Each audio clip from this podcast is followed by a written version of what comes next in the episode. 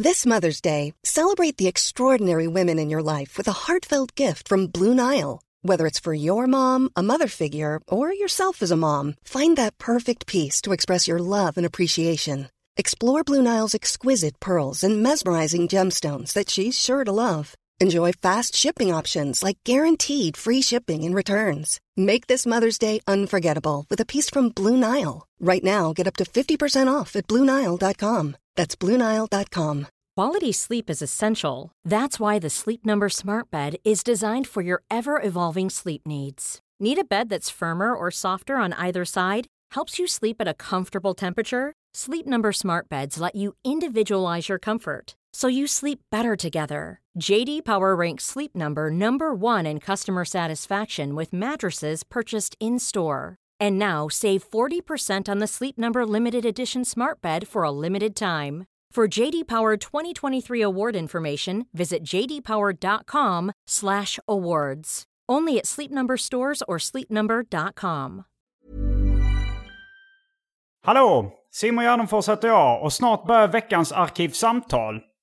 Idag är det dags för det årliga firandet i Simmeparken i Stockholm. Vi ses klockan 15 där. Alla är välkomna fram tills det att vi blir 50 personer. Jag har just publicerat ett nytt Patreon-exklusivt avsnitt eh, av Arkivsamtal med Jonas Strandberg. Om du går in på patreon.com arkivsamtal och bidrar med valfri summa så får du tillgång till 18 exklusiva bonusavsnitt. Om du gillar den här podden och vill bidra till att den kan fortsätta produceras så kan du också swisha en slant till 0760 72 47 38. Swish-numret finns även i avsnittsbeskrivningen.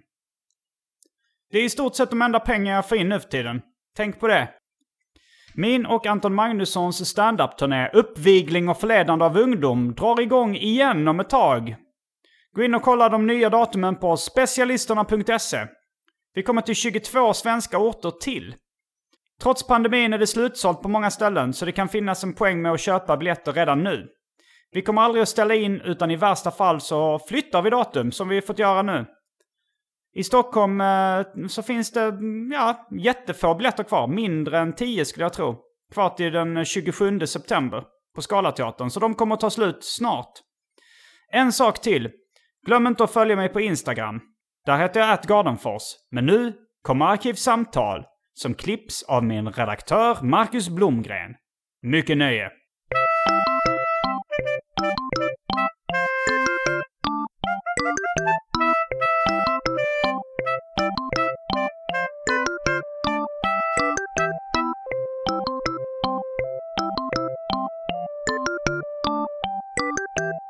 Hej och välkomna till Arkivsamtal. Jag heter Simon Gärdenfors och mitt emot mig sitter... Pontus Gustafsson! Från? Gatuslang. Från Gatuslang. Doktor Gatuslang som du så skämtsamt kallas. Precis. Eh, nu har det blivit dags för del tre. Nej, nej, nej. Jag sa fel. Del två i svensk hiphop-historia. Du är så taggad på att bli av med den här serien. så att du vill att det ska vara... Nej, jag, jag kan tänka mig att vi kör så länge, det, så länge ämnet inte är uttömt. Men eh, jag blandade bara ihop det med svensk seriehistoria. Ah, som men- eh, jag just släppte del tre. Mm. Eh, men så det ligger ett, ett avsnitt efter svensk seriehistoria med Johan Andreasson. Men eh, ja, det är dags för del två. Ja, Eh, vi, vi, det första förhistoriska avsnittet eh, kan man säga är när jag var med i Snedtänk med Kalle Lind och pratade om tidig svensk rap. För då gick vi igenom liksom de första svenska hiphop-släppen med rap på svenska. Sen när du var med här för cirka tio veckor sedan. Då pratade vi om 90-talet ganska mycket va? ja, den tiden egentligen som där rappen är definierad som hiphop. För, för ni var väl nästan inne på Evert Taube och Trasan och Banan eh, och Povel Ramel och sånt där. Vi var inne på. Evert Taube, Povel Ramel. Trasade Bananer vet jag inte om de har släppt någon rap. Har de det? Det känns som att de borde ha gjort det. Det är tjänstefel om de inte har gjort det. Men Ja. jag är osäker på om de har det. Jag såg en fantastisk Lasse Åberg-dokumentär, eller den som gick på SVT. Han fyllde ju 80 bast här nyligen. Ja, jag såg att- den också faktiskt. Eh, och förra avsnittet av Arkivsamtal handlar om Sällskapsresan-filmerna. Så Lasse Åberg avhandlad. Men innan vi kastar oss in på fortsättningen av den här rafflande svenska hiphop-historien så har det blivit dags för det omåttligt populära inslaget Välj drycken.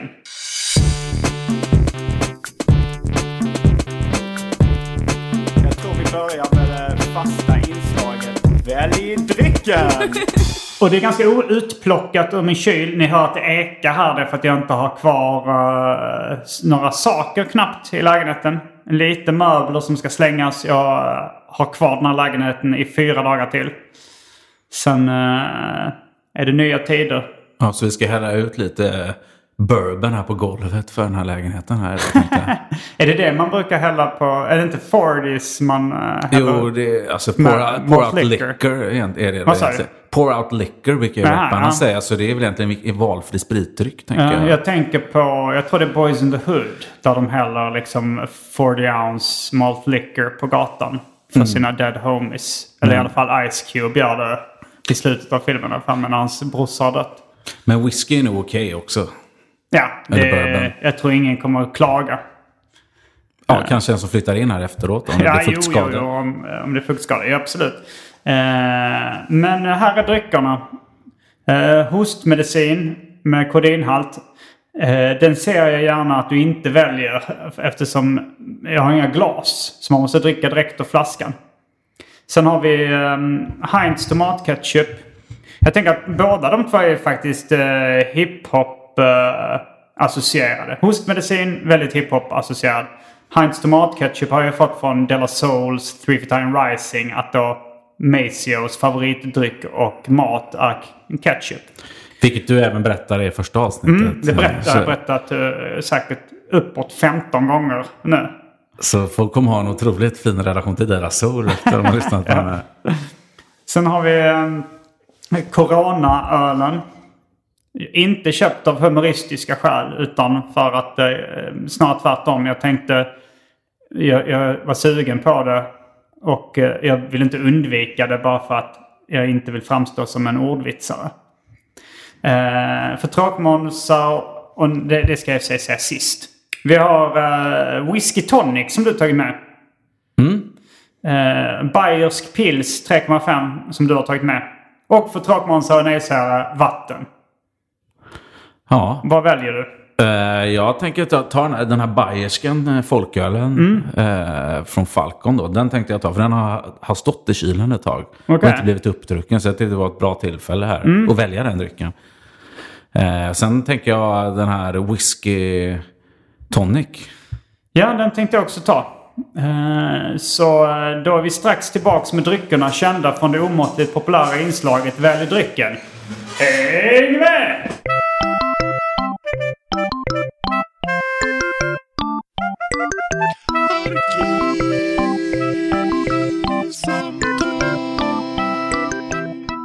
Då är vi tillbaka. Så jag ska smaka den här uh, Whisky Tonic. Det var lite din idé. Och...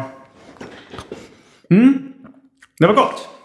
Visst funkar det ganska bra? Ja. Tänk dig lite is och lite mynta då. Mm. Till det här. Men vi har gjort det så här väldigt snyggt eftersom du inte Ställ hade gärna på de här uh, ja, underlagen så det inte dunsar ja. så mycket. Och vi blandade den väldigt snyggt. Så lite festivalstyle. Man tar vad man har eftersom ja. vi inte hade några glas. Jag har vi inga blandade... glas för tillfället i lägenheten så att... Så den är blandad direkt i tonicflaskan. Ja. Så vi halsar upp. Ett steg från att blanda direkt i munnen. Det är riktigt festival, supermoden. Ja. alltså man, man kör en sån typ screwdriver bara. Jag tror det kallas Eller... någonting när man tar typ uh, groggvirke och uh, alkohol i munnen. Uh, jag vet inte. Chaser kan man ju kalla det om man, om man först har en klunk uh, sprit och sen en klunk läsk. Men jag vet inte vad det kallas när man blandar direkt i munnen. Någonting ni kan skriva i Arkivsamtal eftersnackgruppen om ni orkar. Verkligen, det vill vi lära oss mer om. Mm. Men eh, var slutade vi mm, prata eh, förra gången? Ja, jag tror jag någonstans i slutet av 90-talet. Mm. Eh, vi pratar ju om alla möjliga grupper, mer eller mindre kända, som folk kanske aldrig lyssnat på. Allt från Robert Blom till Två blåbär och... En snubbe eh, som heter Bengt. Precis. Och det har jag faktiskt fått... Eh, jag kanske till och med måste ta upp telefonen här. Jag vet att du inte tycker om det. Men jag har fick fått lite bakläxa nu. Eh, men jag, jag, fick faktiskt ett... Eh, ett mess från han som eh, är med. Mm, I, är med? eh, en som heter Bengt. Jag fick reda på Är det många medlemmar i en snubbe som heter Bengt? De är tre stycken och var två från början. Och ingen heter Bengt eller? Nej, jag tror inte det alltså. Då är det ju ett extra spexigt namn. Det fanns ju något eh, amerikanskt rapband eh, från ungefär samma tid tror jag som hette Young Black Americans eller Young Black Teenagers eller något sånt. Som var några vita snubbar. Frågan var om de var i rätt ålder ens. Men Ja. det lite, lite samma idé att man kallar sig någonting som man inte är. Precis, och det var ju en, en snubbe som heter Bengt tror jag lyssnade på det här avsnittet. Ah, så, kul. så det var så, så vi kom in på det. Ja. Och det är en person som har släppt ett mixtape via Gotland nyligen som heter Tevski. Jaha. Eh, är det någon du känner till? Tedski? Ah. Tevski. Han, var- han har inte haft några andra namn. Det är inte Ted, Tinnitus och Ted? Ted. Mm. Nej, det är några andra svenska underground-rappare. Okej, ja. Men han skrev så här då. I början var det jag och Fredda. Vi hade en annan rapgrupp innan vi körde Snubben Bengt. Vi växte upp tillsammans i Märsta och på sista skivan kom Beke med. Jag tror hon var från Sala ursprungligen. Så det joinade in en brud i det här crewet också. Mm, okej. Eh, En snubbe som heter Bengt. Så de var tre. De, var Så- inte, de, var, de hette inte Bengt, de var inte en och de var inte bara snubbar. Nej. och de släppte typ tre album tror jag. Så Ja, vad roligt. de köttade på där. Eh, Det kanske finns på YouTube och hitta. Jag tror det. Jag tror att en av plattorna också ligger på den här basketlåten du snackade om. Baklängesdunk. Baklängesdunk. Den Mm. plattan finns på Spotify tror jag. Men jag tror att vi typ, i- princip var snacka där det slutar liksom var vi typ Stockholm. Theodor Hellborg och Anton Hagvall och Frostis eh, grupp där någonstans. Mm. Och det är där vi ska ta vid nu och berätta om vad som hände sen. Precis, när eh, svensk hiphop gick från att vara underground som en råtta i en grotta till att synas över hela Sverige. Ja, och det var ju en referens till då Petters eh, debutsingel Mikrofonkat. Där han säger att hans stil är underground som en råtta i en grotta. Eh, nu behöver ju inte en grotta vara under jorden. Om man tänker sådana gamla stenåldersgrottor så är de ofta över jorden. Ja, de kan ju vara högt uppe i berg också, Ja. Så eh, det är en- vacklande liknelse. Ja, det hade kanske varit bättre att ha eh, en gruva då eller någonting. Ja, men det, verkligen. men, Men, det rimmar eh, inte på råtta. Nej, och han vill ju då rimma på 98. Året 98.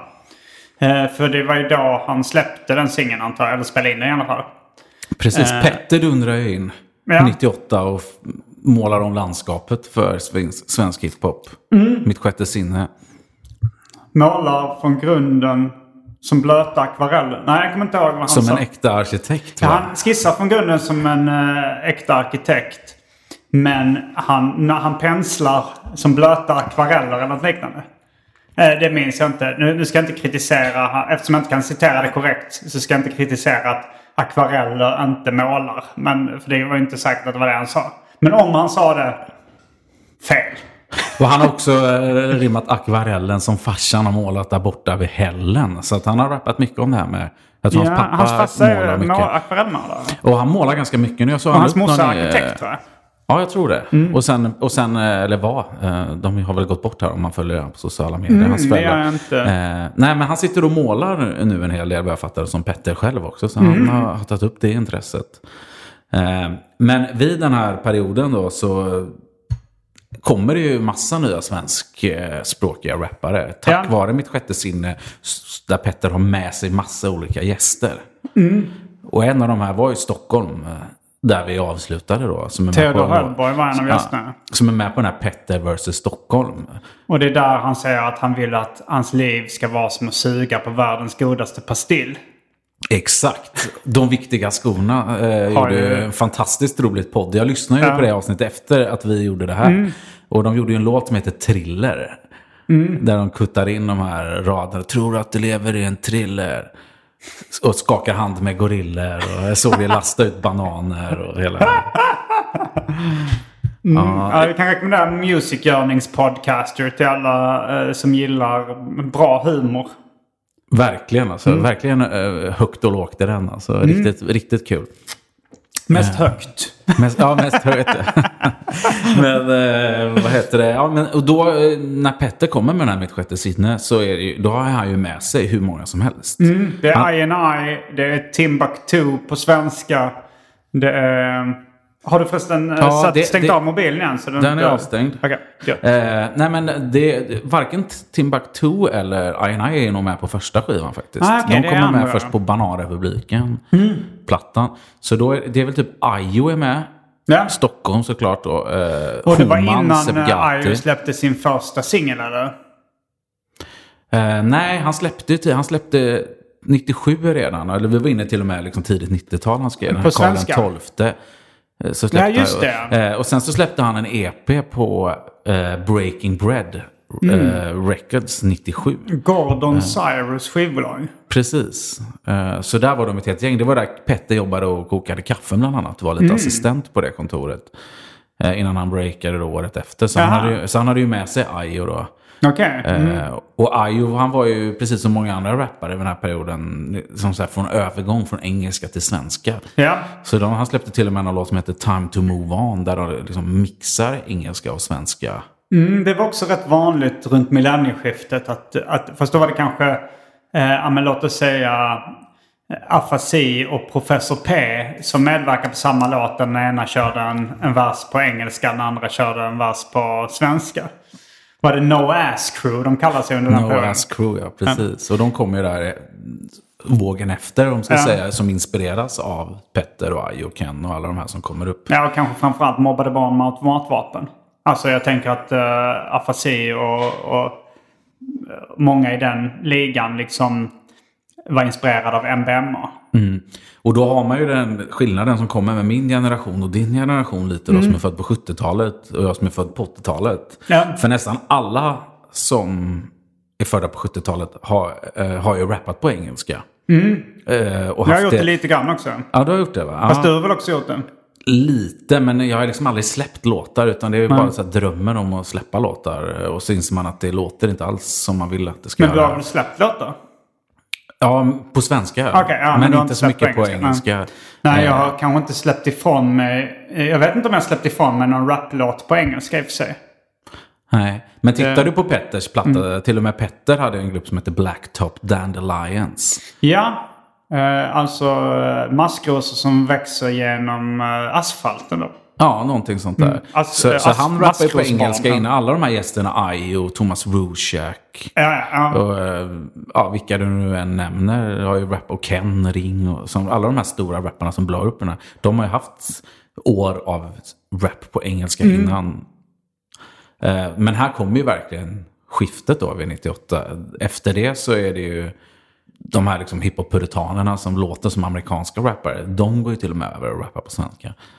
Ja, jag kommer ihåg eh, serien Rocky av Martin Kellerman. Där var det ett skämt om det. För att han, han var ju aktiv ungefär, eller han började väl då någon gång också samtidigt. Som, eh, som han, så han sa liksom, jag, jag tror det var då Rocky som var arbetslös och allting hade gått åt helvete. Och sen så hans kompis säger, som din eh, syokonsulent så rekommenderar jag att börja rappa på svenska. Att det, man märkte då att det gick att bli framgångsrik genom att börja rappa på svenska. För det var ju då först Petter och sen kom Ayo och Ken och gjorde... Och Blues då och gjorde mer eller mindre succé med singlar på svenska. Eh, så det var ju verkligen en våg där. Och så kom Mobbade Barn. Eh, uh, PSTQ var ju tidig också att släppa den här Pluralis Majestatis. För det kom innan MBMA fanns eller? Känner du till det? Ja, det, det var väl ungefär... För MBMA hade en låt på någon kassett 97 redan. DJ Madrist släppte en kassett. Där, är, där finns den första... Vad hette den kassetten? Eh, oh, bra fråga. Ja. Eh, men DJ DJ Madrist. Mixtape från Okej, 97. ja. Och där, där är den här... Eh, det är bara någon loop och de bara rappar utan någon refräng liksom Den 6-7 låten har inget namn heller eller? Heter den Jag missar dig eller någonting sånt Just där? det, jag missar dig. Det känner jag igen. Den har jag hört. Och då är den lite sämre ljudkvalitet än vad Ja, fick senare. Mm. Den finns väl bara rippad på kassett tror jag, uppe på nätet och sånt där. Så den är ganska grov. Men det är ju ändå där embryot kommer till den här riktigt rap nördiga grejen. Och plural, Ja. Pluralis Majestatis kommer ju året efter där, 98. Så den är ju Så den, är I samma sam, mått, den kommer samma år som Petters eh, debut? Ja, jag tror det. Och det, är väl lite oklart. Det finns både CD och liksom sådär på EP. Och Mm. kommer på lite olika Ja, sätt. jag kommer ihåg jag köpte PSTQs Pluralis Majestatis på vinyl. Och blev ganska blown away liksom. Jag hade hört honom på eh, Mats Nilefors program i P3. P3 Soul kanske det hette då. Eh, eller Soul Corner kanske det hette på den tiden. Så jag köpte den och det... Jag tycker... Ja, han är nog kanske min favoritrappare i Sverige fortfarande. Han var ju gäst också nyligen i Arkivsamtal och pratade om NWA. han har jag varit gäst för som en vanlig intervjuperson också. Ja, jag hörde det i avsnittet. Jättekul Mm. alltså. Där blev det lite bladiga på G där. Ja, speciellt i det Patreon-exklusiva avsnittet så blev fyllnade PSTQ till rätt rejält.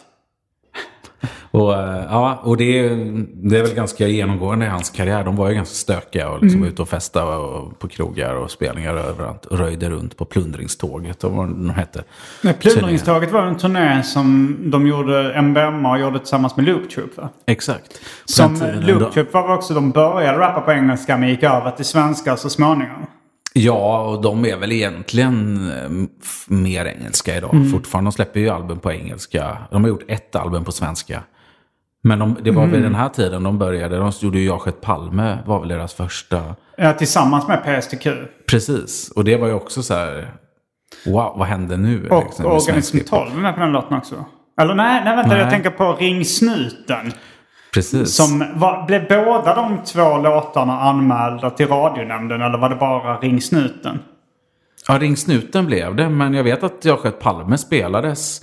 Eh, jag tror att det är en av de få, för de hade bara fått kassetterna. Så jag tror att det är en av de få gånger som SVT har liksom spelat kassett ut. SR. I ja, SR. Sveriges Radio spelade den här kassetten. Ja, Jag tror det är ganska Palme. vanligt att uh, alltså Pappa D, också en tidig svensk rappare, eller kanske med toastare.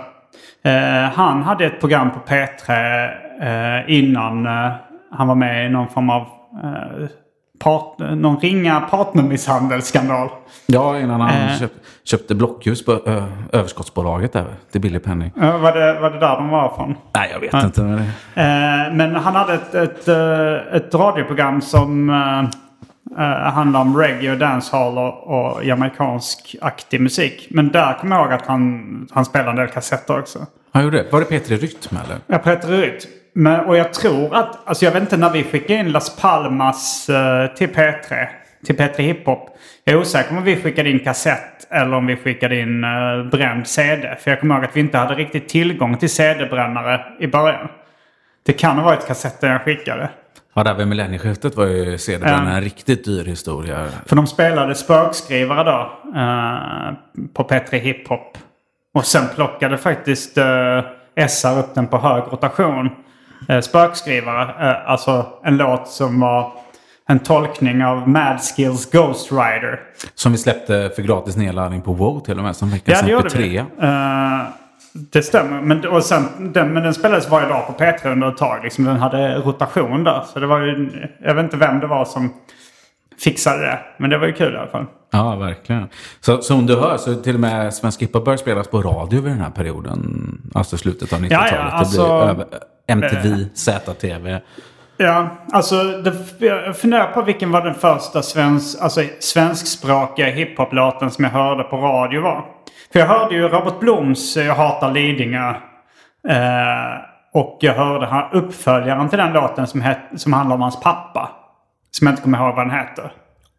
Eh, och, men, men, men jo, det har ju funnits svensk hiphop. Sara och Jun var ju före. De gick också på P3. Ja, 3S Hoppa Dansa var nog den första jag hörde. Ja, just det. det var de har jag hört 95, också. 96. Och eh, även Johan Kimrin, han gjorde någon cover på Della Souls eh, Ring Ring Ring Ha Ha Hej Hej.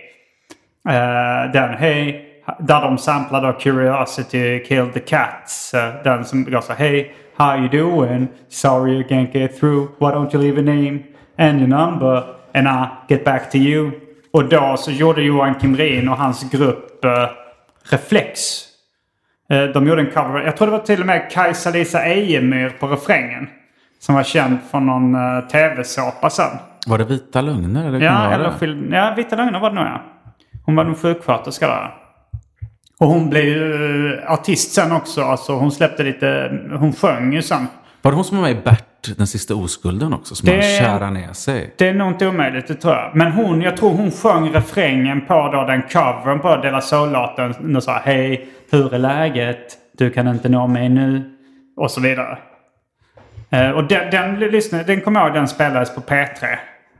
Eh, och jag såg dem uppträda live på Malmöfestivalen då. Jaha. Undrar om Kajsa Disémyr var med på scenen. Och jag undrar också vem den andra snubben i Reflex var som inte var Johan Kimrin. Men, men du var insyltad i kulturen då och definierade dig som hiphoppare där 98 när Petter, Blues, I och Ken dundrade in? Eller? alltså jag, jag, jag var ju...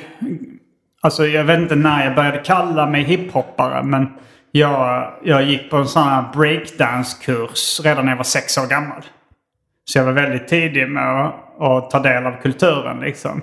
Och då började jag lyssna på liksom de tidiga amerikanska släppen som fanns. Och jag hörde ju då... Eh, jag, köpt, jag fick no, avspelad någon kassett eh, eh med, med just det, alltså som, som du lärde mig faktiskt att eh, det var eh, Siljemark.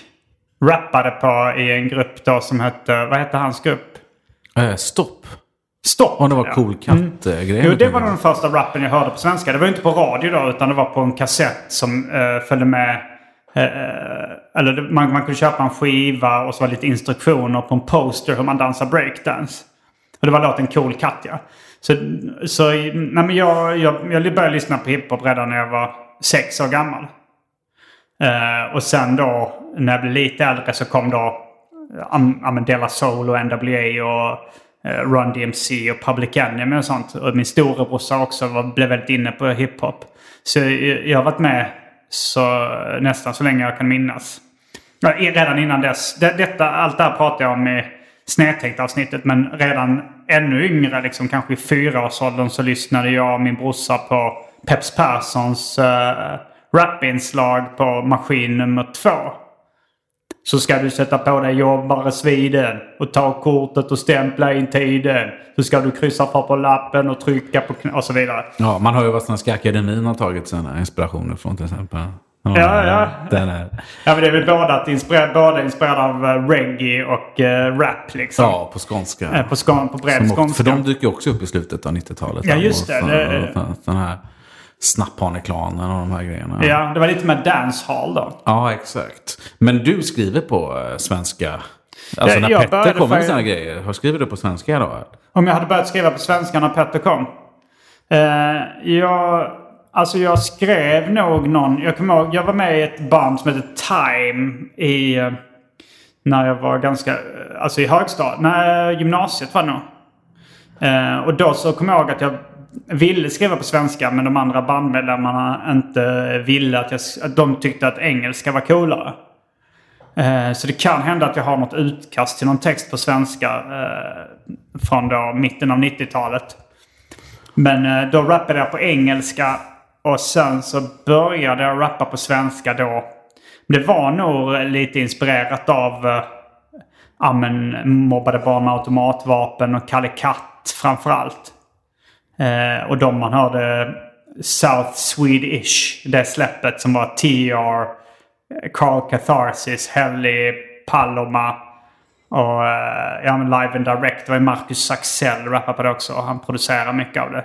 Så det, det, var, det var liksom så jag och mina kompisar då köpte de svenska släppen och alla liksom kassetter med Organism 12 och Mobbade barn. Och jag hade ju hört Petter på radio men jag hade lite blandade känslor inför det. Jag var ju lite äldre då, var lite, kanske lite mer kritisk liksom. Men jag tyckte väl det lät ganska bra måste jag erkänna. Men jag var nog lite för cool för att säga det här är bra rakt av. Men du har väl också alltid varit ganska så alternativ i din stil, tänker jag. jag. Jag minns när du var med i min podd, Gatuslang. Ja. Som, om man verkligen vill sylta ner sig i din karriär, liksom, Ja. då tar du med dig tre plattor med liksom ganska udda grejer. Du kommer inte med liksom, ja, men en Public Enemy-platta, en Wu-Tang-platta och en platta med Fugees. Eller Nej. något, liksom, som många andra gör. Utan När, du hade liksom, du hade när jag såg när du listar dina liksom, favoritplattor på svenska och sånt så är det ju ganska mycket mainstream-släppen. Det är Petter, Ken och sådär.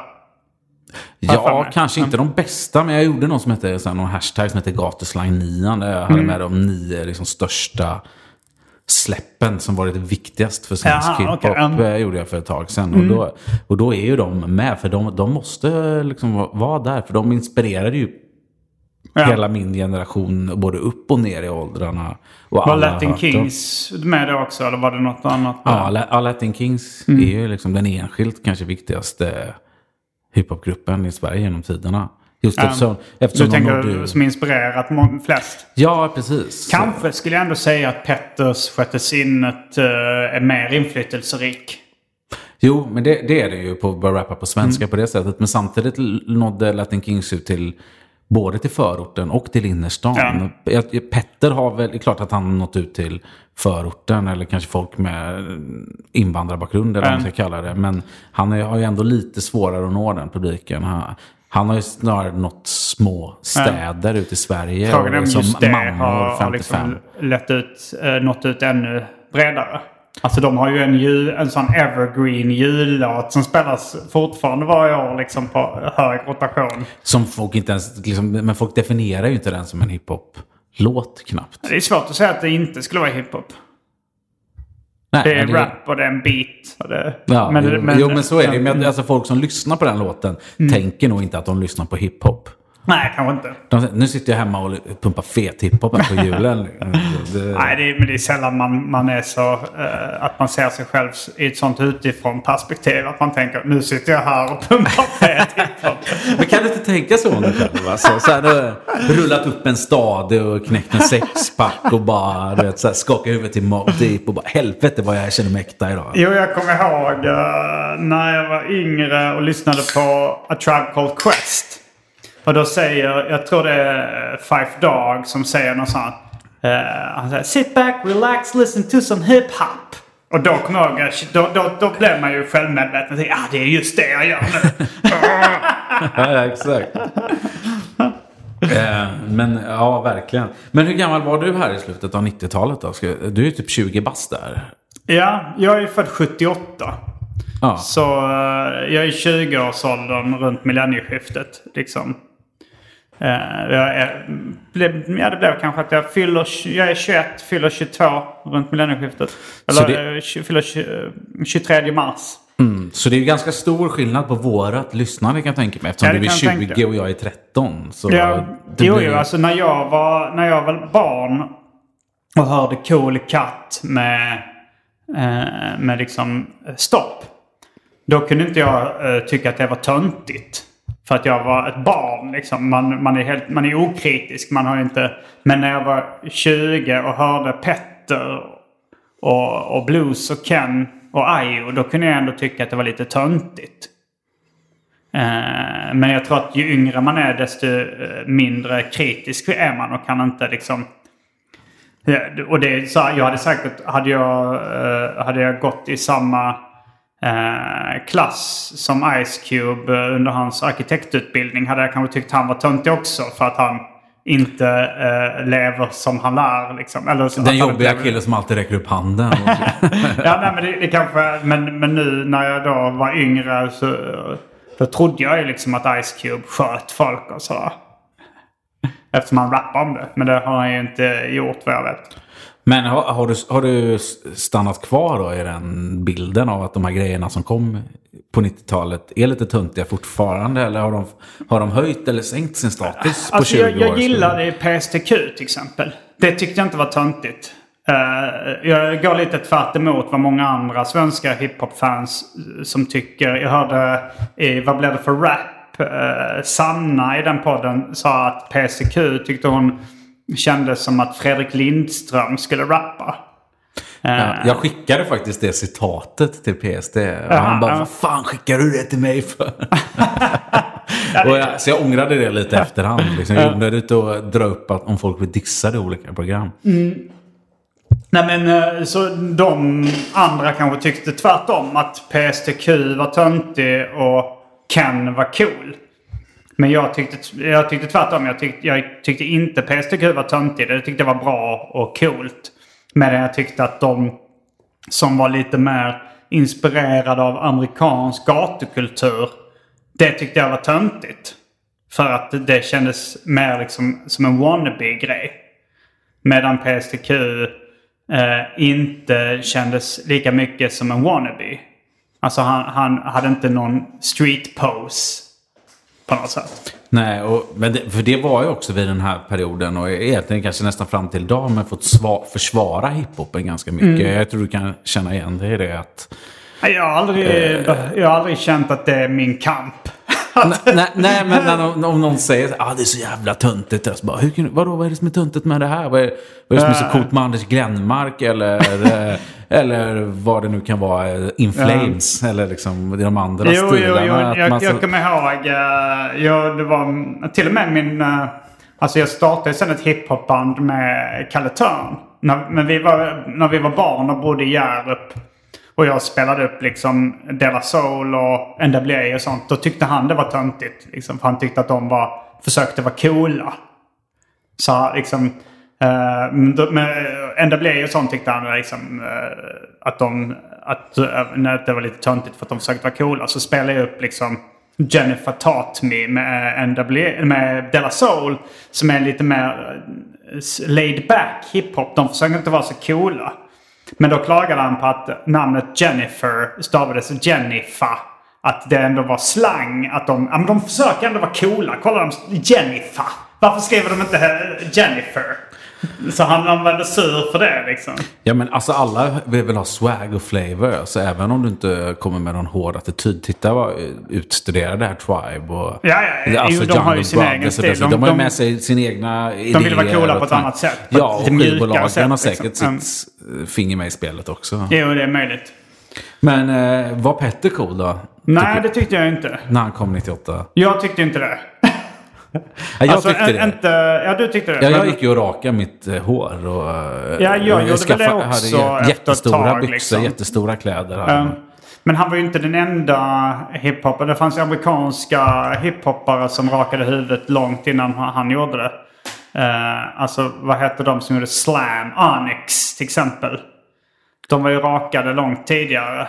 Ja, men, men, det var väl lite vanligt. Nu kanske jag är klyschig, men det kanske var lite vanligare i den svarta kulturen att man rakade sig. Ja, man, det var väl dreadsen eller liksom det rakade. Um, men i, i, Sverige var det ju... Jo, det, jo, det var ju det som att det, var det, som att, uh, att det ansågs vara skinhead och lite rassigt att raka sig innan Petter popularisera den frisyren. Ja, ja, min mormor blev ju alldeles häpen när jag kom hem där. Hon mm. började nästan gråta. Liksom, vad har du gjort? Ska ja, min mamma hade samma reaktion. Och liksom, så här, rakat.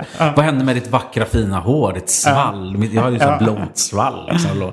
Page hade jag i sexan. Liksom. Mm. Det var ju hett på den tiden. Men jag undrar var Petter fick sin inspiration från att raka sig. Om det var då från amerikanska uh, han lyssnar, jag vet att han lyssnar jättemycket på Caponen och Regga och uh, Mob Deep. Och de var rakade? Men jag, frågan är om de var det. Det ja. borde de kanske ha varit då? Eller var den där rakade? Ja, det var ju en trend bland liksom svarta amerikaner. Ja, för Rushak hade ju också rakat. Profilen tror jag hade rakat. Uh, men var det en svensk grej eller var det amerikanska vita rappare? Körde de rakat också under den perioden? Det, det gick ju det gick rätt mycket trender inom svenskt hiphopmode. Alltså på 80-talet var det många som hade hästsvans. Alltså om man kollar på Stockholmsnatt. Många graffare och många ja, och det breakare. Ju, och det var ju kvarvaran av hårdrockarna. Mm, för att hårdrocken kom mm. först och så var det hårdrockarna som blev hiphoppare. Mm. Men då, han, då var, följde ju liksom frisyren med fast det tog ett tag innan den kom över. Plus att svenskarna kunde ju inte ha de här afrofrisyrerna och de här olika feta pärlor i håren och, liksom, och sen som Busta Rhymes och sådana här som har liksom frisyren åt olika håll. Som uh, Kid and Play, en sån hög afro som som även eh, en av medlemmarna i Black Sheep hade någon sån hög. Ja, det finns ju lite mer att göra. Man kan ha sådana cornrows, vet du, som, som ja, Bow Wow Jag körde i och för sig Lilleman. Han var en vit uh, rappare som körde cornrows. Han körde det, ja. Just ja. Det. ja. Men ja, han kanske hade mycket tid att sitta hos frisören. Så ja, grejer tar väl 6-8 timmar. Han berättade att det, han grät när han uh, gjorde dem för att det gjorde så ont. ja, ja Lillemon dundrar ju in där också. Helt, ja, när var det han släppte Skåne sin, på kartan vad heter den? Vart tog pappa vägen?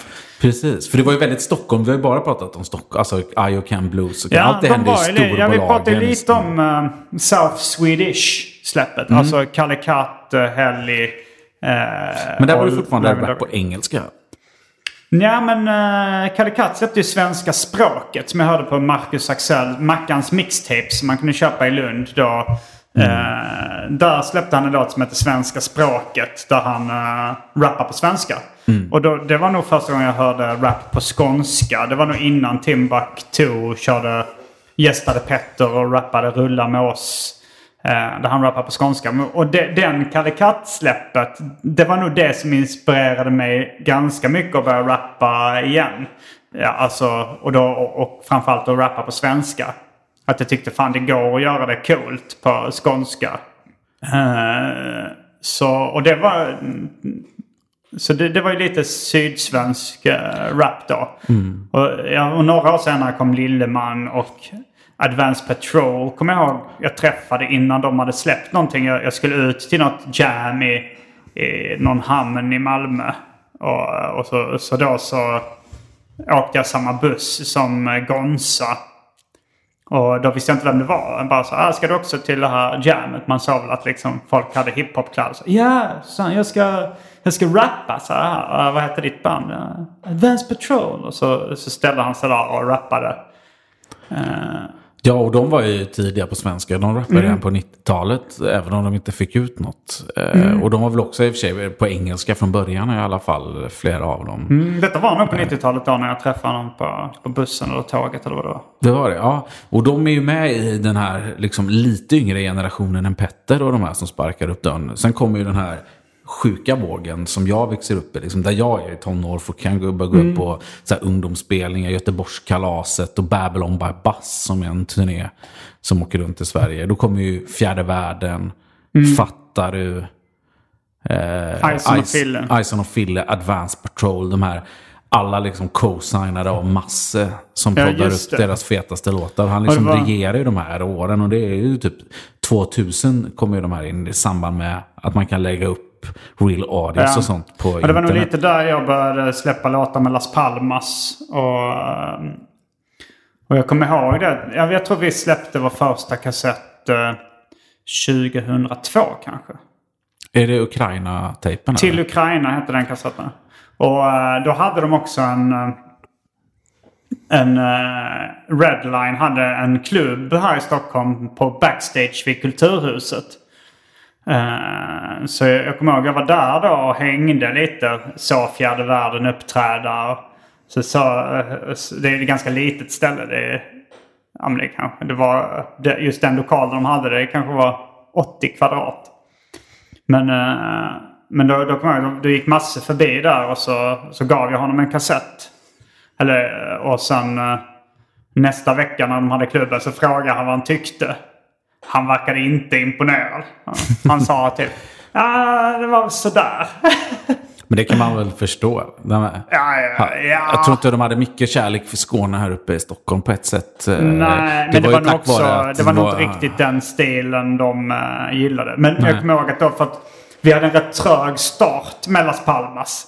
Att, uh, för vi blev ju populära efter, efter lite tag. Men men eh, det, jag kommer ihåg den besvikelsen när, när vi liksom hade släppt vår första kassett. Vi hade då hoppats på att fler skulle gilla den och sen var det så här.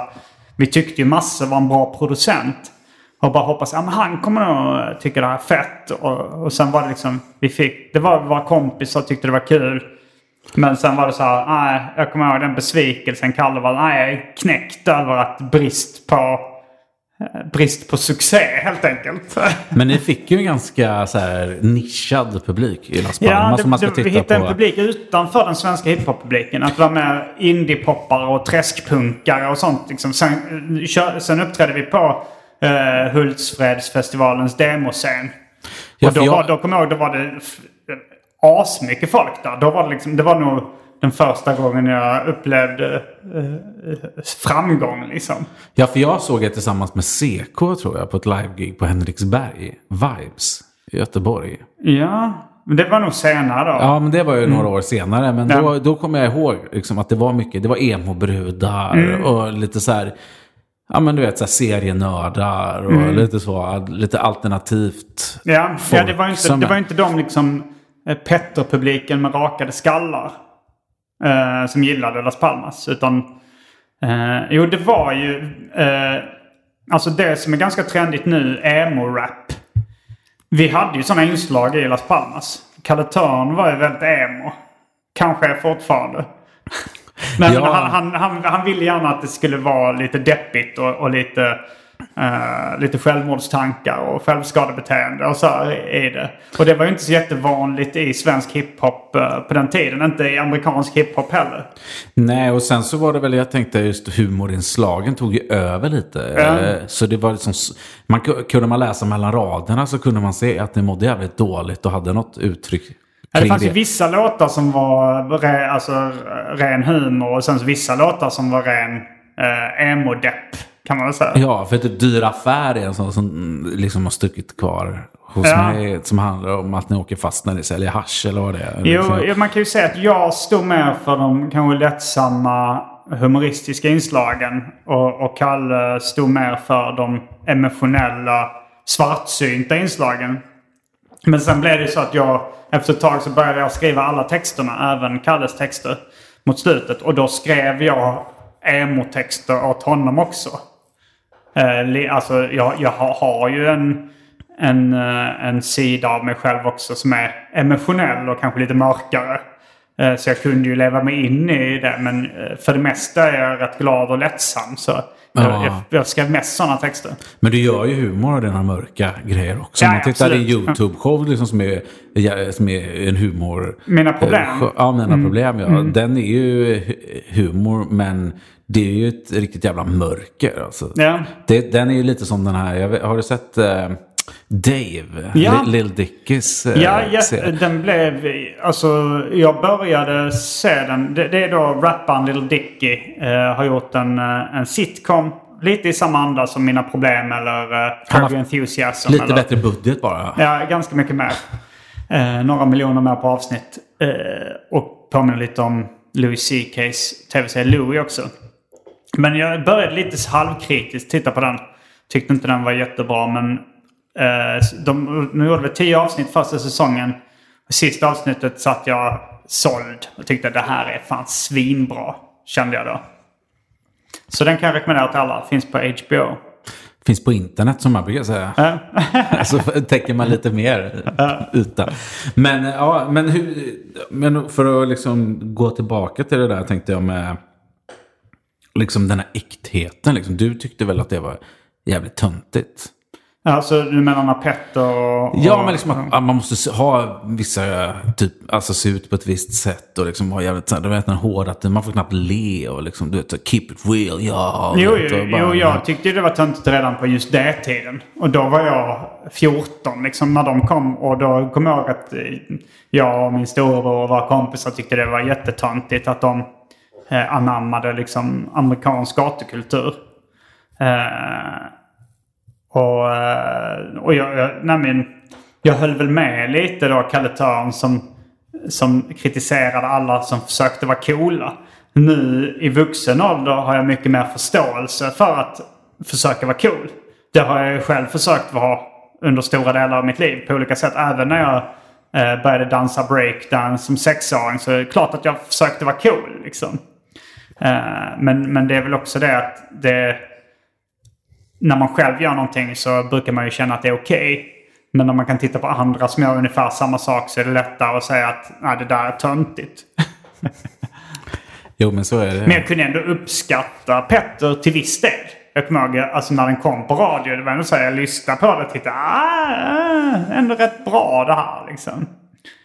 Eh, och samma sak med Latin King. Så jag tyckte ah, det, det var lite svängiga beats och liksom jag gillade ändå på något sätt. Men jag hade väl blandade känslor till det. Ja, och det är just det här om man har en studio kanske som kostar två miljoner av mm. professionell mm. beatmaker och studiotekniker och folk som mastrar upp. Ja. Alltså även de medelmåttiga rapparna blir ju bra. Mm. Eh, jämfört, jämfört med liksom... Since 2013 Bombas has donated over 100 million socks, underwear, and t shirts to those facing homelessness. If we counted those on air, this ad would last over 1,157 days. But if we counted the time it takes to make a donation possible, it would take just a few clicks. Because every time you make a purchase, Bombas donates an item to someone who needs it. Go to bombas.com slash ACAST and use code ACAST for 20% off your first purchase. That's bombas.com slash ACAST, code ACAST.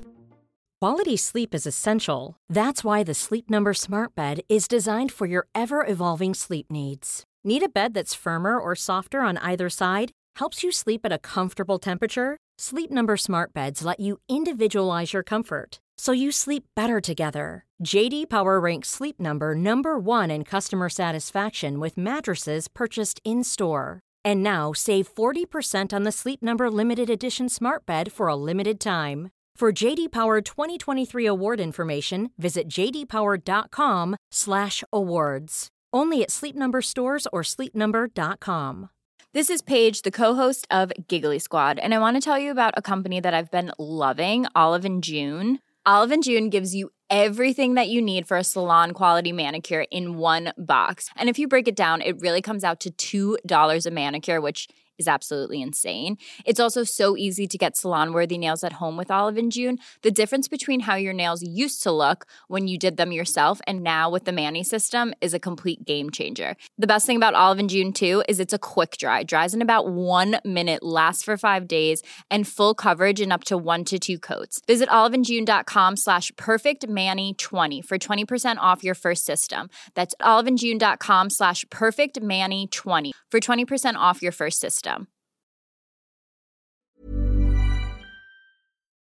Om, om du hör någon spotta en rap på gatan eller Mm. någonting liksom, utanför en klubb. Då krävs det ju mer. Liksom. Ja. Det är inte säkert att Petter hade, hade lagt en svinfet vers utanför någon krog på Söder 98 om hade träffat honom. Men det låter ju så fett. Liksom, Ja. på Men sen handlade det också om att jag var ganska mycket en underground-kramare. Eh, Och att liksom MBMA kändes mer underground. Och även om de hade liksom brusiga kassettsläpp så gillade jag med det mer då. Kanske också på grund av att det var ett brusigt kassettsläpp. Att jag tyckte det var coolare liksom. Du hejar på underdoggen så att säga. Ja, men det är väl, det är väl mitt sätt att, att lite att känna mig cool på också. Att jag gillar det alternativa. Snarare än mainstream. Eh, men eh, du som uh, hiphop-historiker. Var, var, vi befinner oss nu liksom eh, runt millennieskiftet. Eh, vi, har, vi har börjat nämna den vågen med Fattar, Fjärde Världen, Ison och Fille. Eh, som var, det var ganska mycket knutna till Redline Records. Eh, vad, vad, vad hände efter det? Ja, alltså det som händer vid den här perioden är ju väldigt omvälvande för liksom hela samhället. Det är ju bredbandet som dundrar in i den svenska folkhemmen liksom, som förändrar landskapet ganska mycket. Du behöver, alltså, så när CD-brännarna börjar bli billigare börjar Just folk det. kunna bränna egna skivor.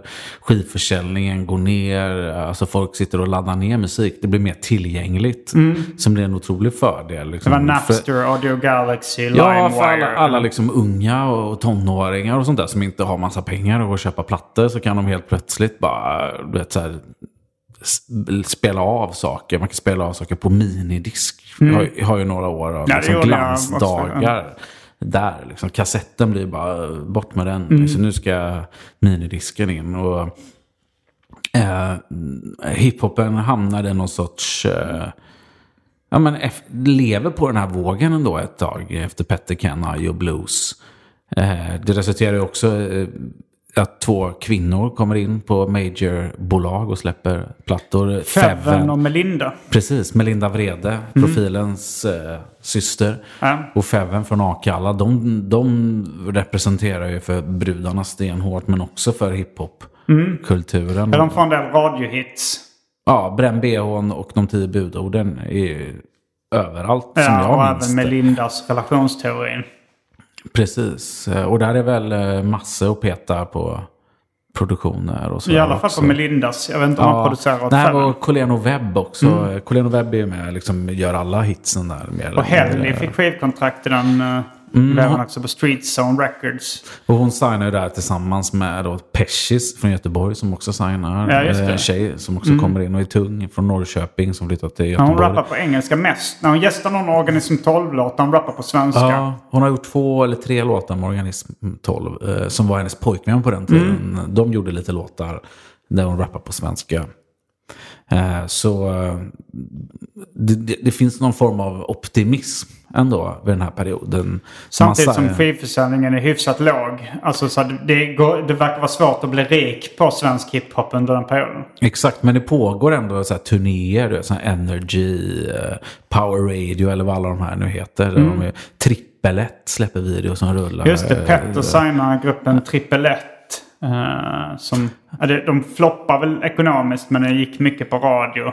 Ja, exakt. De samplar Flickorna på TV2, Gyllene Tiders uh, refräng. Det var väl den de gjorde sig mest känd som. Mm. Eh, vad, vad, heter de? Megaton och X, XL heter de det? Ja, Megaton kommer jag ihåg. Eh, som eh, kommer då. För Petter får ju möjlighet att styra Mm, han startade skivbolaget Bananrepubliken. Och där signar han ju då Feven, INI och mm. Triple. Så jag tror att Feven liksom backar upp de här två andra förlusterna i INI. Mm. Och, eh, och jag pratade med Petter i Gatuslang om den här eh, perioden ganska mycket. Mm. Eh, de signar också IO som ska släppa sin andra del 2-uppföljaren som tyvärr blir indragen precis när den kommer ut. Så det hinner gå ut promo Varför blev den indragen? Jag vet inte, antingen är det väl för att de inte blir nöjda med materialet. 100%. Att skivbolaget inte var nöjda med ja, materialet? Ja, och mm. artisterna liksom. Men sen mm. så lämnar ju också Io hiphopen för den här perioden. Innan hans andra skiva. För att de släppte, han släppte den första skivan med Betongdjungelboken och Många som ja. väntar. Föder något nytt heter det ja. albumet. Den kommer 99. Ja, och Arman Reinsson från Music Yearnings Podcaster och Rappar i samverkan Eh, vi gjorde ett helt avsnitt om Ios låt eh, Många som väntar. Där vi går igenom den rad för rad och försöker analysera vad han menar. Eh, så det kan ni söka upp om ni är intresserade av det. Men han släppte då den skivan. Men, men sen kom det inte en andra skiva sen med singlar som Det spökar. Och Ajo, den Ajo, okay. Ajo. Men det, det, men det var ingen fullängdare då? Eh, jo, det kom, de gjorde en. Den finns liksom tryckt med, all, allt det var helt färdigt. Okay. Och de skickade ut recensionsexemplar. Mm, mm två, två videos rullades på, ja, på MTV och ZTV? Ja, del två, spö, eller del två uppföljaren hette albumet. Okay. Eh, som tyvärr aldrig kom. Så de kastade typ 1000-2000 ex bara av den här plattan. Liksom, det är ju jättekonstigt. I, i soporna. Uh, för, eh, för liksom, det kan ju inte vara gratis att eh, producera två videos. Och... Nej, du, nej. Jag gissar på att du som samlare har ett promo-ex av den. Som tur är har jag det. Mm. Hur, vad, vad tycker du om den? Är det... Alltså, den, den, har funnits också och läckt på nätet. Ska säga. Den låg till och med okay. uppe på Spotify lite sådär olagligt ett tag. Spot, Spotify mm. slänger upp lite skivor ibland utan att fråga artister. Mm. Sherlocks platta låg också uppe. Ja, Las Palmas låg uppe i Spotifys barndom. Ja. Utan, utan var eh, ja, tillåtelse. De bara slängde upp massa ja, grejer ja, i början där. Mm. Så då var man ju glad om man fick tag i dem där. Mm. Så, eh, så den finns ju ute och fanns ju som en sån här liksom, eh, någon ripgrupp som okay. hade släppt den på Pirate Bay eller liksom på Napster. Men du så vet där, inte varför den inte marknadsfördes? Nej men som jag har fattat det så var det antingen var det någon form av ekonomisk kris inom den här labeln mm. eller så var det Ios beslut att han, nej men jag, jag lämnar och då var det inte värt att liksom satsa på, eh, på det här projektet. Men han kom, har kommit tillbaka som en religiös rappare hyfsat nyligen. Ja, han, alltså han släppte väl några låtar? Ja, han var med på en låt på Stress där han förklarar varför han lämnar och sådär. Fast det var ju inte jättetydligt. Eh, och nu har jag sett och jag följer honom på sociala medier mm. och sådär. Vi är vänner på Facebook. Och han är ju nere i Dubai och spelar in en hel del i studion. Mm. Och ska ha spelat in en hel del med På svenska? också tror jag. Eh, kanske både svenska och engelska. Men jag vet inte om han har några som helst ambitioner att släppa någonting. Jag men han, han blev väl uh, muslim? Eller han kanske var det hela tiden? Ja, men han är en troende. Uh, så att, uh, ja, men vi får väl se. Jag, jag har ju aldrig tyckt att det... Jag har aldrig riktigt köpt de här förklaringsmodellerna vilka förklaringsmodeller? Ja, men att man inte skulle få göra musik på grund av en religion. Det finns ju både folk som har lämnat hiphopen på grund av kristendom. Ja, vi har ju Seron från Mobbade Barn med ja. automatvapen som lämnade hiphopen. Eh, eller han lämnade Mobbade Barn för att uh, han ville söka sin kristna tro. Men för... han släppte i och för sig låtar efter det med kristet tema. Exakt, och jag menar du kan ju, du kan ju applicera din livsstil och kombinera den med hiphopen precis hur du vill. Vill du göra kristen rap, vill du göra mm, rappa om Mohammed och alltså uh, koranrap så kan du göra det. Vill du rappa o- okristligt, vill du rappa satanistiskt, vill du rappa PK, vill du rappa liksom nazistiskt? Så kan du ju göra det. Ja, det, det, alltså det, det är ju själv vilket grepp du vill ha, men då kanske man, man vet ju inte folk känner. Liksom. Finns det någon svensk eh, rasistisk eller nazistisk rap? Alltså så här, för att det, det, i USA har jag för mig att det finns eh, white power rapmusik. Alltså jag har sett någon grej från Tyskland, någon sån här grupp. Som har varit Fanns liksom MC-gäng. Som jag känner till dem. Nej. Jag tror en Men, amerikansk... eh, men det motsäger ju, alltså ska man se till vad, liksom, vad- hiphopen säger, att alla är välkomna och alla människor är lika värda och ändå ha den grundsynen så är ju ändå nazist, alltså att vara hiphoppare och vara nazist är ändå någonting som går stick i stäv Ja, det beror på vad man skulle- lägger i begreppet hiphop. Alltså det kan ju vara pratsång över rytmer. eh, Alltså man ska ha rapmusik. Exakt. Eh, som en del av hiphopkulturen så kan man ju, borde man ju kunna göra det med ett nazistiskt budskap också. Ja, alltså det finns ju säkert. eh, Alltså, vi, måste ju finnas vitmaktsmänniskor som gillar hiphop och Ja, rap, ja. tänker jag. Ehm, Jag tror att uh, Rappare i samverkan har en del rasistiska fans. Även om, eh, även om de är fina killar allihop, de som gör musiken. Ja, nej, men då lyssnar man på gammalt n-ordet användes ju en hel del eh, av, Ja. av svenskar i 90-talsrap Jo, och sånt och där. det, men det Eh, ansågs ju inte vara något rasistiskt på den tiden. Nej, Alltså, det kanske började, på 90-talet kanske det var... Det började vara lite kittlande. Men det var liksom inte tabu på det sättet som det är idag. Nej, och Ayo lägger ju en rad eh, halvsvart ras. Kallar mig Hitler, lägger han en... Eh, Halvsvart ras kallar mig Hitler. det, jag tror det är Släng alla skallar med Ken Ring. Så Och lägger han vad där. tror du att han menar med Ja, det? det är därför jag vill ha honom i gatuslang. Så jag Ja. kan fråga vad han faktiskt menar med den där. Då kan du passa eh, på att fråga vad han menar med folk kommer ihåg mig som tomten i en gran också. Ja, exakt. ja, men det, Som han det, finns, det, avslutar finns, låten det finns så mycket många som väntar. Det finns så mycket Ayo-texter man verkligen vill ha. En Men han menar halvs... Alltså är det bara för att han, han definierar sig själv som halvsvart. Det han, han har ju sagt eh, tidigare om sig själv. Han Ja. är en halvsvensk, halvafrikansk nigerian. Ja, hans, hans pappa är från Nigeria, hans Mm. mamma är från Sverige. Han heter ju Eriksson i efternamn och sådär. Så Hette att- han Ayodar Eriksson? Eller vad heter han? ja, ja, precis. Han har Eh, inget- Ayodele. Ayodele, okej, inte tror Jag, tror det Ayo är liksom en förkortning av Ayodele. Hela Ayodele namnet. Som- Eriksson. Som Lars och Lasse typ. Alltså Okej. Bo och Bosse. Men eh, Ayodele Eriksson är hans riktiga namn. Men han menar då att uh, halvsvensk, halvsvart, eller vad sa han? Halv, halvsvart ras kallar mig Hitler. Var det det han sa? ja, det är det han säger. Han menar då att eftersom han eh, definierar ras så är han då något av en Hitler. Ja, jag, jag har ingen aning. Eller om man tycker att, eh, att, att han är kanske en blandning Hitler. Han är inte riktigt arisk själv, arisk själv kanske. Ja, att, Hitler, eh, det ryktades att han var jude. Är det det Ja, tänker vad, vad är, han, är ju, han är ju inte tysk, han är österrikare ju. Ja. Just det. Men det, var, det fanns också rykten om att han har judiskt påbrå. Jag vet inte hur mycket sanningar det ligger i det. Nej, då, då ligger han ju riktigt, ri- då är han ju riktigt självhatar eh, politiker. Eller vad. Så att, ja. Men, eh, ja, som sagt, hiphopen är ju också uppkomsten. Det är väldigt mycket humor. Måste absolut. man ju säga. Du som gillar, är som inne på humor. Ja, det är Spåret, en av de, alla eh, texter, en av de grejerna alltså, som jag gillar mest med hiphop. Att liksom punchlines i hiphop är ju, ligger väldigt nära one-liners inom stand-up comedy eller skriven text.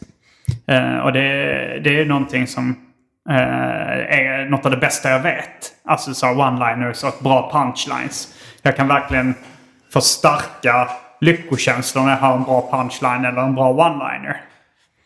Ja, så jag tror att du skulle göra det perfekt i min nya serie som heter Gatuslang Bars faktiskt. Eh, Där vi har en gäst som får läsa eh, ett gäng texter från andra rappare och analysera och eh, betygsätta dem. Ja, det. Så, som är Rate the Bars, som är liksom den amerikanska förlagen.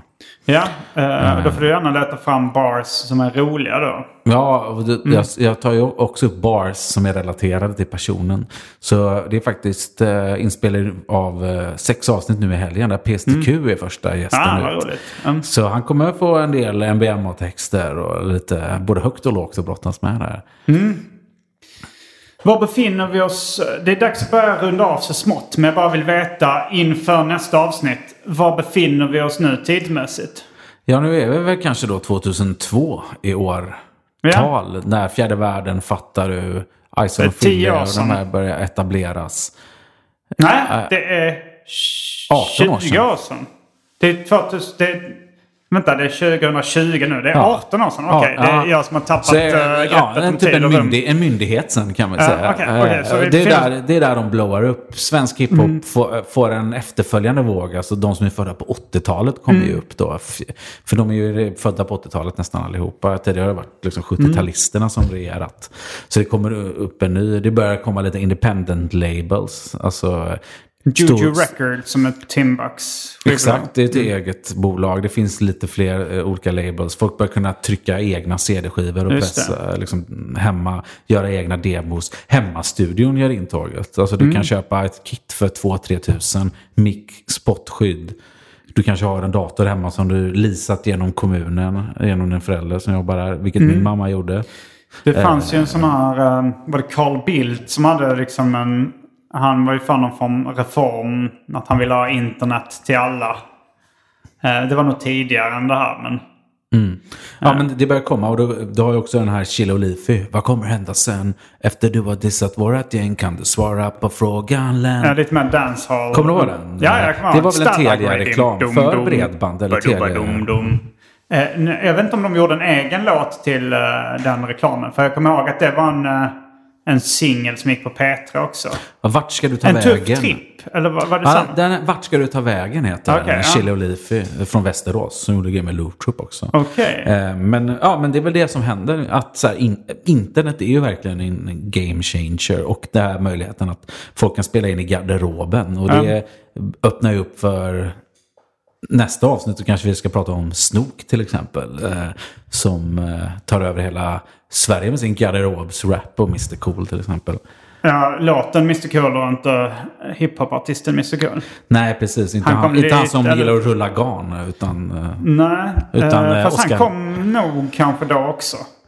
ja, men Alltså han för att väl- han... eh, att han kallade sig i alla fall Mr Cool innan eh, Snook släppte låten Mr Cool. Var det så alltså? Ja. För Snook tror jag kommer 2003 med ändå Oscar Mm. Ja. Och Daniel Adams-Ray. Och Jag är osäker på när Samlade Tankar kom. Men eh, Anton Magnusson kallade sig Mr Cool redan. Fast han gjorde det redan innan han började rappa. Eh, det var något han skrev på sina prov i skolan. För att eh, han tyckte det var roligt när liksom, man lämnade in alla proven när man skrivit dem. Och sen så sa läraren så här. Mr Cool, vem är det? Och så räckte Anton upp handen. Så det var- det var liksom ett skämt som det började med. humorn började tidigt där i Ja. Antons liv. Ja. Alltså. Ja, shit alltså. Ja, nej men eh, ja, det, det, vi kan hålla på i tim, Ja. timtal med det här med Absolut, men, Jag hoppas eh, att eh, folk har fått eh, någonting att plocka upp med det här avsnittet. Något att bita i som Paolo Roberto uttryckte det. I den hiphop-relaterade filmen Stockholmsnatt? Ja. Frågetecken. Men han har väl aldrig spottat några bars va? Inte vad jag vet. Men, det- men eh, det Ja. hade inte förvånat mig. Det var, det var väl rätt många rappare alltså, var, eh, i den filmen. Ja, Han- är det någon som har fet 16 från Paolo Roberto får ni gärna höra av er alltså. Och då med, syftar du inte på hans penis. Det var allt från den här veckans avsnitt av Arkivsamtal. Eh, jag heter Simon Gärdenfors. Jag heter Pontus Gustafsson. Och vi är tillbaks om ungefär tio veckor med svensk hiphop-historia. Historia. Du kan du, göra, du kan du be grabbarna i de viktiga skorna göra som den här Nu vi skiner. Har du hört den? eller? Eh, Nej, jag har Fan, den missat är också den. fantastisk. Hon, Malou von Siver ska ju presentera Einar när han ska upp och köra live Jaha, i hennes ja. morgonshow. Och istället för att säga Nu vi skiner så lyckas de säga fel. Nu vi skinel. Så de döpte ju den i Musikgörningspodcasten till låten heter ju Nu vi skinel. det är sådana detaljer Dr. Gatesnack Ja, det är älskar. väldigt roligt. Eh, Jag tar om det. Det var allt från den här veckans Arkivsamtal. Jag heter Simon Gärdenfors. Jag heter Pontus Gustafsson. Fullbordat samtal. Mm, mm, mm,